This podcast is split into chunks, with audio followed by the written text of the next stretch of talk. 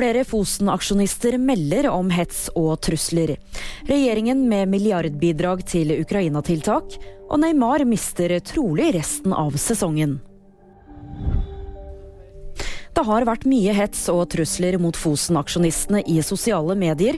Det skriver sametingspresident Silje Karine Motka på sin Facebook-side.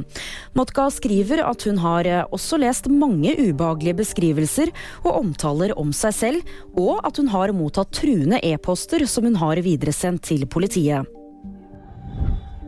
Regjeringen skal bruke over 40 milliarder kroner på tiltak knyttet til Ukraina-krigen. Dette beløpet gjelder for neste års statsbudsjett, ifølge NRK.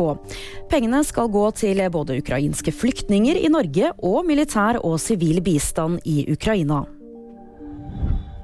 Neymar skal bli operert for en ankelskade. PSG-stjernen vil derfor ikke være i spill igjen før om tre til fire måneder, opplyser klubben. Det vil si at han høyst trolig mister resten av sesongen. Det var VG nyheter, og de fikk du av meg, Julie Trane.